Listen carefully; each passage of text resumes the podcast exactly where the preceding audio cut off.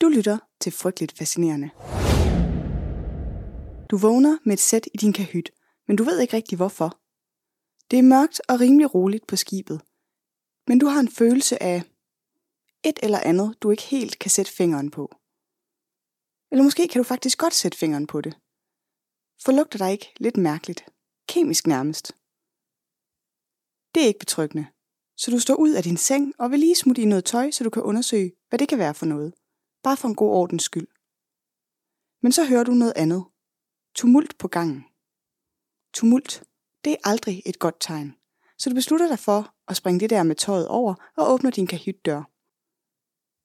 Den mærkelige kemiske lugt er noget stærkere her. Den er ret voldsom faktisk. Og der er røg, der løber langs loftet. Det er i hvert fald et rigtig skidt tegn. Det ved du. For røg på skibe, det er virkelig ikke meningen. Instinktivt ved du, at du skal ud. Så du bevæger dig ud af din kahyt til højre. For det er vist den vej trappen er. Er det ikke? Du går i hvert fald til højre, og ret hurtigt hiver du efter vejret. Røgen tager til, og lugten den er helt forfærdelig. Du kan ikke rigtig orientere dig. Der er ikke nogen skilte. Ikke så vidt du kan se i hvert fald. Og så har skibet ikke nogen logisk opbygning. Du bliver ved med at finde hen til den samme blinde gang. I er ret mange mennesker på gangene nu. De må også være blevet vækket af lydene og lugten. Men der er ikke nogen alarm. Ikke en du kan høre i hvert fald. Men du ved, at du skal ud. Du går til venstre og finder en trappe. Du klatrer op. Ser ikke rigtigt de andre omkring dig. For første gang slår det dig, at det måske kunne have været rart med en redningsvest. Men du kan ikke umiddelbart se nogen, og måske er røgen i virkeligheden også dit største problem lige nu. Op og ud, og så pokker i den redningsvest. Velkommen til det her afsnit af Frygteligt Fascinerende, hvor vi dykker ned i dødsbranden på Scandinavian Star. Frygteligt Fascinerende er en podcast om alt det frygtelige, som alligevel fascinerer os. Her nørder vi helt ned i detaljen i nogle af de mest opsigtsvækkende og uhyggelige fænomener og begivenheder i historien. Velkommen til.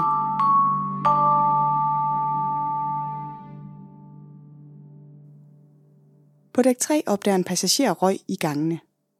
Hurtigt varsler passageren personalet, men der går relativt længe, før kaptajnen får besked. Da han endelig gør, har ilden spredt sig til dæk 4 og 5. Passagererne på skibet befinder sig i en ret alvorlig situation, og de ved det ikke nu. Da kaptajnen endelig sætter gang i en evakuering, er det en kaotisk og ineffektiv en af slagsen. Passagererne står over for utallige problemer. For det første beretter mange passagerer, at de slet ikke bliver vækket af brandalarmen. Det er simpelthen ikke alle steder, at den overhovedet virker. Og i øvrigt er der alt for få alarmer. Der er for langt imellem dem, og nogle steder er de for langt væk fra kahytterne til, at man kan høre dem. For de passagerer, der er heldige nok til at blive vækket af alarmerne, er det svært at finde ud af skibet. Scandinavian Star er blevet ombygget og renoveret flere gange i sin levetid. Og du kan ikke se det, men jeg har citationstegn omkring renoveret her, for der er i det store hele ikke tale om forbedringer eller opgraderinger, men nærmere sådan nogle hurtige ommøbleringer, så skibet kan bruges til nye formål. Derefter lader skibet med en forvirrende indretning, mange blinde veje og et labyrintisk layout. Flere overlevende har beskrevet gange, der ser ud til at føre ud, markeret med nødudgangsskilte, men som i virkeligheden fører tilbage til skibets midte. Skibets personale har heller ikke kunne være til meget hjælp under evakueringen. De er alle sammen nyansatte. Skibet har kun været på ejernes hænder i en måned, så der har ikke været tid til en ordentlig uddannelse af personalet i skibets sikkerhedsprocedurer. Mange af dem er derfor lige så forvirrede som passagererne. Personalet kommer fra mange forskellige lande, og flere af dem har ikke noget fællessprog med de ombordværende. Langt de fleste passagerer er norske, og langt størstedelen af personalet kan ikke tale norsk. Eller engelsk for den sags skyld. Kommunikationsproblemer gør en besværlig evakuering endnu mere problematisk. Men det burde selvfølgelig heller ikke have været vigtigt.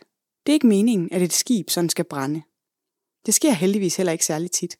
Mest fordi de som regel er bygget af sådan noget hardcore, ildafvisende materiale. Fordi det virkelig er noget skidt, når skibe brænder. Det er Scandinavian Star sådan set også. Det er bare også indrettet med et tyndt lag af sådan noget dekorativ belægning på vægge og loft, for at shine skibet lidt op. Og det er det her lag, det er desværre sådan ægte brandbart, og lavet af melaminplast. Dobbelt skidt. For melaminplast, det kan brænde, og det danner giftig røg, når det brænder. Og så de øvrige sikkerhedsforanstaltninger ikke kvalitetssikret ordentligt. Vi taler rustne vandsprinklere og branddøre, der ikke slutter tæt. En virkelig dødelig cocktail for vores passagerer. Og det er faktisk alt sammen mangler, der har ført til advarsler fra den sidste myndighedsinspektion af skibet. Men af uansagelige årsager så får skibet lov til at sejle videre, og det bliver endda forsikret til at drive passagerfærge, uden at der er gjort noget som helst for at rette op på de brandfarlige mangler. Med alle odds imod sig skal passagererne ombord på Scandinavian Star nu forsøge at gennemføre en evakuering. Den person, der måske har de allerstørste chancer for at hjælpe de ombordværende og sørge for en effektiv evakuering, det er kaptajnen. Desværre for dem, så er han der ikke. Efter nogle hurtige forsøg på at inddæmme branden, så er han smuttet direkte i redningsbådene. Og for at sætte prikken over id, så har han ovenikøbet lige givet en melding over radioen til de skibe, der er kommet for at hjælpe Scandinavian Star om, at der ikke er flere passagerer ombord. Selvom det ikke passer. Der er masser af passagerer ombord. Flere hundrede faktisk. Med tiden kommer brandfolk til, både med helikopter og andre skibe, og de begynder slukningsarbejdet, mens bukserbåde trækker færgen mod havn. Ved middagstid dagen efter er færgen trukket helt i havn, men den brænder stadig. Skibet er fuldstændig overtændt, og arbejdet inde i skibet er langsomt og besværligt. Der er så varmt i skibets gange, at brandfolkenes udstyr simpelthen smelter. De kan ikke opholde sig i skibets indre mere end få minutter, før de må ud og køle ned. Det gør slukningsarbejdet ineffektivt og langsomt. Morbranden på Scandinavian Star kom med forsinkelse til mig. Jeg var ikke født i 1990, da det skete. I min bevidsthed har det altid ligget som en af de der skibskatastrofer, hvor mange danskere var ombord. Sammen med Estonia og hans hedtoft. En brand på et skib. Uhyggelig og forfærdelig. Men ikke så meget mere end det. Jeg var nok omkring 25, da jeg første gang læste en artikel, der handlede om en mand, hvis familie var død i branden. Han havde brugt flere år på en efterforskning af omstændighederne, og han mente, at politiet havde svigtet. Den danske lastbilchauffør Erik Mørk Andersen, der var ombord, havde en tidligere dom for pyromani, og derfor så retter politiet hurtigt deres opmærksomhed mod ham. Og der bliver den. Mistanken altså. Erik Mørk Andersen, han dør i branden. Det norske politi henlægger sagen om, hvordan den starter. Politimester Willy Haugli konkluderer, at alle andre muligheder end den danske mand er udelukket gennem efterforskningen. Men det, som manden i den artikel, jeg læste, var meget optaget af, det var, at de i efterforskningen ikke havde forfulgt det økonomiske motivspor. Det vender jeg tilbage til. I stedet for, så udpeger de en lastbilchauffør, som selv er død i branden. Og det kan da også virke meget oplagt, at en psykisk ustabil mand, som tidligere er dømt for pyromani, kan finde på at gøre det igen. Men politiet har ingen konkrete beviser, så de henlægger altså sagen. Flere år senere står en pensioneret skibsinspektør frem og fortæller, at de ting, han så, da han umiddelbart efter branden undersøgte skibet, i mange tilfælde er i direkte modstrid med det, der blev den officielle forklaring på, hvordan branden opstår og spreder sig. Der udbryder mindst fire brande på Scandinavian Star den 7. april. Først en brand, der bliver opdaget af nogle passagerer og slukket. Kort efter det udbryder den brand, der hurtigt spreder sig gennem skibet og koster 159 mennesker livet. Hovedbranden. Da alle overlevende passagerer er evakueret og slukningsarbejdet for længst er gået i gang, udbryder der endnu mindst to voldsomme brænde. Norsk politis officielle forklaring bliver, at de sidste to brænde er genopblusninger af hovedbranden. Og det er det, skibsinspektøren nu står frem og siger, det er simpelthen ikke rigtigt.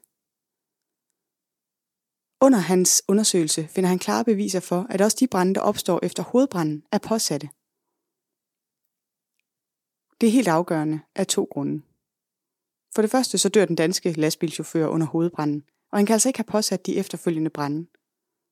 For det andet er alle overlevende passagerer evakueret, da de efterfølgende brænde opstår. De eneste, der stadig er tilbage på skibet, ud over brandslukningspersonalet, er en mindre gruppe besætningsmedlemmer, der skal understøtte slukningsarbejdet.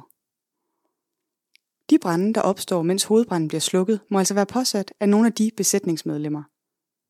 Og det har skibsinspektøren holdt på i mange år. I al den tid undersøgelsen af Scandinavian Star har været i gang faktisk.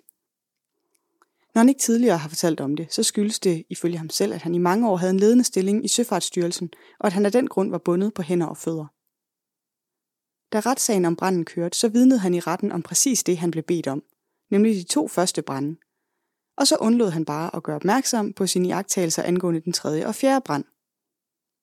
Han siger selv, at han har gjort politiet opmærksom på sine observationer lige efter inspektionen i 1990 og igen på et efterfølgende møde, men ellers så holder han sig til at svare på, hvad man spørger ham om.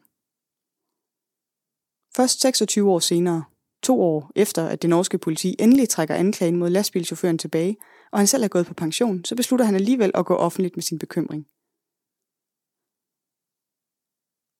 Og det sætter endelig gang i en ordentlig efterforskning af det økonomiske spor.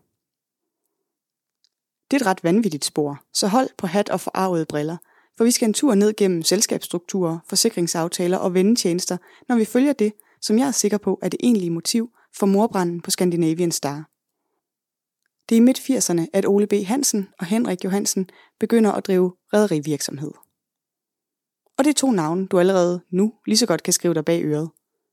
De står bag vognmandsruten, en færgeforbindelse over Øresund, mest brugt af lastbilchauffører, som navnet måske fortæller.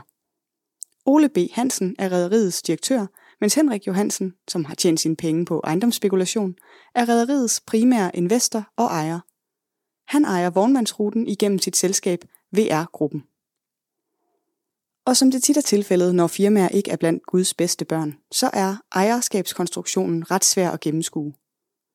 VR-gruppen er delt op i en række mindre selskaber, der har det til fælles, at de alle sammen er ejet af Henrik Johansens familiemedlemmer. Vognmandsruten lykkes med at reducere billetprisen ret betragteligt i forhold til konkurrenten DSB. Det gør de af alle de klassiske grunde.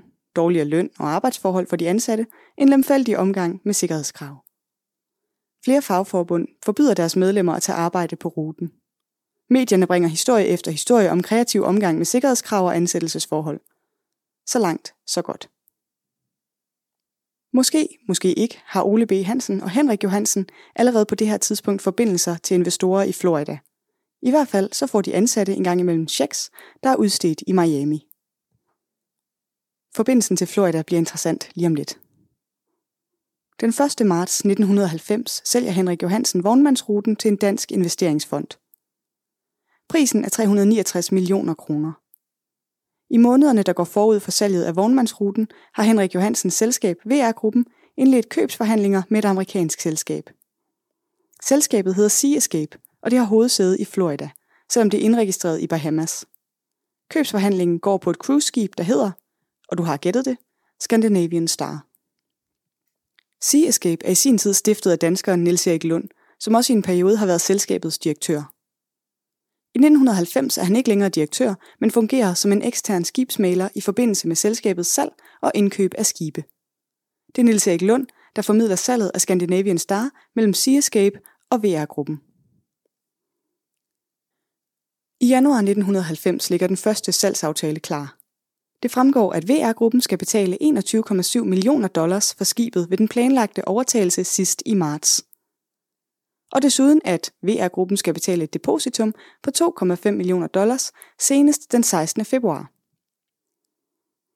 Da Henrik Johansen ikke, da betalingsfristen udløber, har betalt det aftalte depositum, bliver fristen forlænget med en uge. Endnu en gang betaler Henrik Johansen ikke. Sidst i marts, hvor den samlede købesum skal udbetales, har Seascape fortsat ikke modtaget nogen penge for skibet. Alligevel så overfører Seascape ejerskabet over skibet til Henrik Johansen og VR-gruppen. I en aftale, der bliver indgået den 30. marts i forbindelse med overførselen, betinger Seascape sig, at de fortsat står registreret som ejer af skibet, da betalingen endnu ikke er gennemført. Og desuden at forsikringspengene bliver udbetalt til Seascape, hvis der sker skade på skibet. I aftalen bliver der også fastlagt en ny betalingsfrist. Senest den 6. april skal pengene være betalt, ellers skal Scandinavian Star tilbageleveres til Seascape. Den 1. april sejler Scandinavian Star for første gang fra Frederikshavn til Oslo. Seks dage senere, den 6. april, bryder Henrik Johansen endnu en gang kontrakten og betaler ikke. Han får tre dages udsættelse. Imens Henrik Johansen står for købsforhandlingerne, så er det Ole B. Hansen, der er rederiets direktør. Han rejser til Florida og besigtiger skibet. Det er også ham, der indgår aftale med Seascape om, at en del af skibets nuværende besætningsmedlemmer kan blive tilbudt fortsat at arbejde på skibet. I midten af marts, inden Scandinavian Star formelt set er overført til VR-gruppen, så sejler det afsted mod Cuxhaven i Tyskland. I Cuxhaven bliver skibet ombygget og klargjort til indsættelse på ruten mellem Danmark og Norge. Ifølge flere ansatte, som er ombord på skibet i Cuxhaven, er skibet langt fra i en stand, der gør det egnet til at sejle med passagerer. Mange kahytter har ikke været i brug længe og trænger til en grundig istandsættelse. Det er umuligt at nå at gøre skibet ordentligt klar inden for den frist, som Ole B. Hansen og Henrik Johansen har sat. Den 30. marts, samme dag som Seascape indgår aftalen om at overføre Scandinavian Star til VR-gruppen imod de beskrevne krav, køber Seascape skibet af det svenske rederi Stena Line. Hvordan Seascape kan indgå flere salgskontrakter om et skib, som de formelt ikke engang ejer endnu, melder historien ikke noget om. Fra 1984 og frem til den 30. marts 1990 har Stena Line udlejet skibet til Seascape, som har kontrakt på, at de kan købe skibet til en pris, som skal modregnes det, de i årenes løb har betalt i leje. Seascape købte skibet af Stena Line for en pris på 10,3 millioner dollars. Herfra så trak de den leje, de allerede havde betalt, og Seascape skal derfor reelt kun betale det halve. Samme dag indgår de altså en aftale om at overføre skibet til VR-gruppen. Men prisen, den er pludselig mere end det dobbelte af den, som Stenaline har krævet. 21,7 millioner dollars skal VR-gruppen betale for Scandinavian Star. Og det er et af de forhold, som giver undren blandt de pårørende til morbrandens ofre og andre, som har fulgt med i brandens efterspil. Har Stena Line fejlvurderet skibets markedsværdi så meget, at de beder om under det halve af, hvad Seascape samme dag kan sælge det videre for? Eller er Henrik Johansen udmærket godt klar over, at han har indgået en aftale om at købe et skib til en kæmpe overpris? Skyldes VR-gruppens manglende betaling og Seascapes overbærenhed, at begge parter godt ved, at handlen aldrig skal gennemføres. Jeg skulle lige til at sige, find selv på flere spørgsmål, men helt ærligt, så synes jeg, at det her økonomiske moras er for absurd til at lave sjov med. I hvert fald gør den nye og meget højere handelspris, at skibet kan forsikres for langt, langt mere, end det ellers kunne være blevet. Der bliver tegnet en midlertidig kaskoforsikring på 24 millioner dollars. Den gælder til og med den 7. april 1990. Da skibet brænder, natten til den 7. april 1990, er det altså ikke, som Henrik Johansen eller siger i retten, hans selskab KS Scandinavian Star, som ejer skibet. Reelt er det Seascape, som står som ejer i Bahamas skibsregister. Skibets managing owner står anført som Nils Erik Lund. Altså bliver forsikringspengene, som i tilfælde af totalskade beløber sig til 24 millioner dollars, også udbetalt til Seascape. Præcist hvor stort det udbetalte beløb er, kan vi ikke vide, for dokumentationen, har forsikringsselskabet senere oplyst, er blevet makuleret. Den 1. april 1990, få dage før Scandinavian Star brænder, så stifter Nils Erik Lund, Seascapes forhenværende direktør, der som nævnt har formidlet salget af Scandinavian Star, et nyt selskab, ISP. Og ISP, de opkøber vraget af Scandinavian Star, og det er også ISP, der sidenhen driver det restaurerede skib videre. I årene, der følger efter morbranden, er VR-gruppen og ISP involveret i flere andre skibe sammen. ISP's tekniske direktør er Heinz Steinhauser, som tidligere var maskinchef på Scandinavian Star. Det er blandt andet Heinz Steinhausers adfærd under brandslukningsarbejdet, som giver indsatslederen for brandslukningen det indtryk, at centrale besætningsmedlemmer forsøger at obstruere ham og hans mandskabs arbejde. I 1991 bliver der indledt en konkurssag mod Seascape i USA. I retten beskriver nogle af selskabets aktionærer to andre skibshandler, der er indgået med Henrik Johansen, umiddelbart efter branden på Scandinavian Star – de beskriver en konstruktion, hvor Henrik Johansen på papiret køber og ejer skibene for at kunne opnå en skattefordel i Danmark.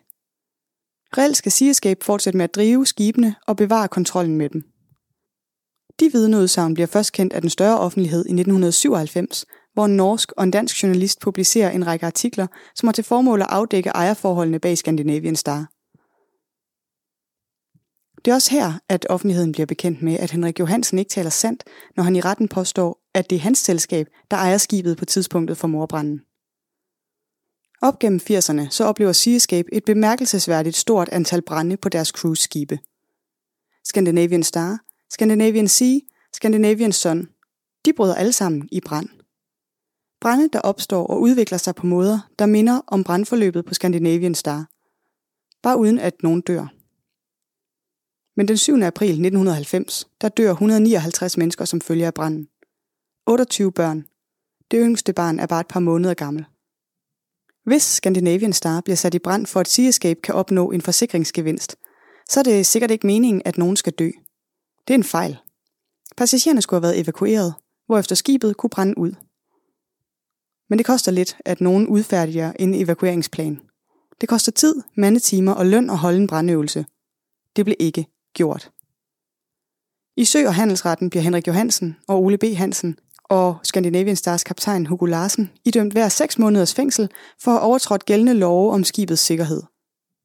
Ole B. Hansen, han afsoner ikke sin straf. Han smutter i eksil i Spanien, og på den måde så bliver han repræsentant for den straffrihed, som kun er hans klasse for ondt. 159 mennesker dør, og det er alt for muligt, at de dør, fordi nogle andre mennesker håber på et stort økonomisk udbytte. Hvis det er rigtigt, og det tror jeg det er, at branden på Scandinavian Star bliver stiftet med forsikringspengene for øje, så dør de 159 mennesker på grund af nogle enkelte mænds vanvittige risikovillighed. Det var 27. afsnit af Frygteligt Fascinerende. Researchet, skrevet, optaget og redigeret af mig. Jeg hedder Maria. Næste afsnit kommer allerede i næste uge, og du kan høre det i iTunes, Spotify eller der, hvor du normalt lytter til podcast. Du kan følge Frygteligt Fascinerende på Instagram, og gør det endelig, hvis du ikke allerede har gjort det. Der kan du like et opslag eller sende en emoji eller to. Hvis du kunne lide det, du hørte, så giv endelig podcasten en anmeldelse. Det hjælper andre med at blive frygteligt fascineret. Tak for nu.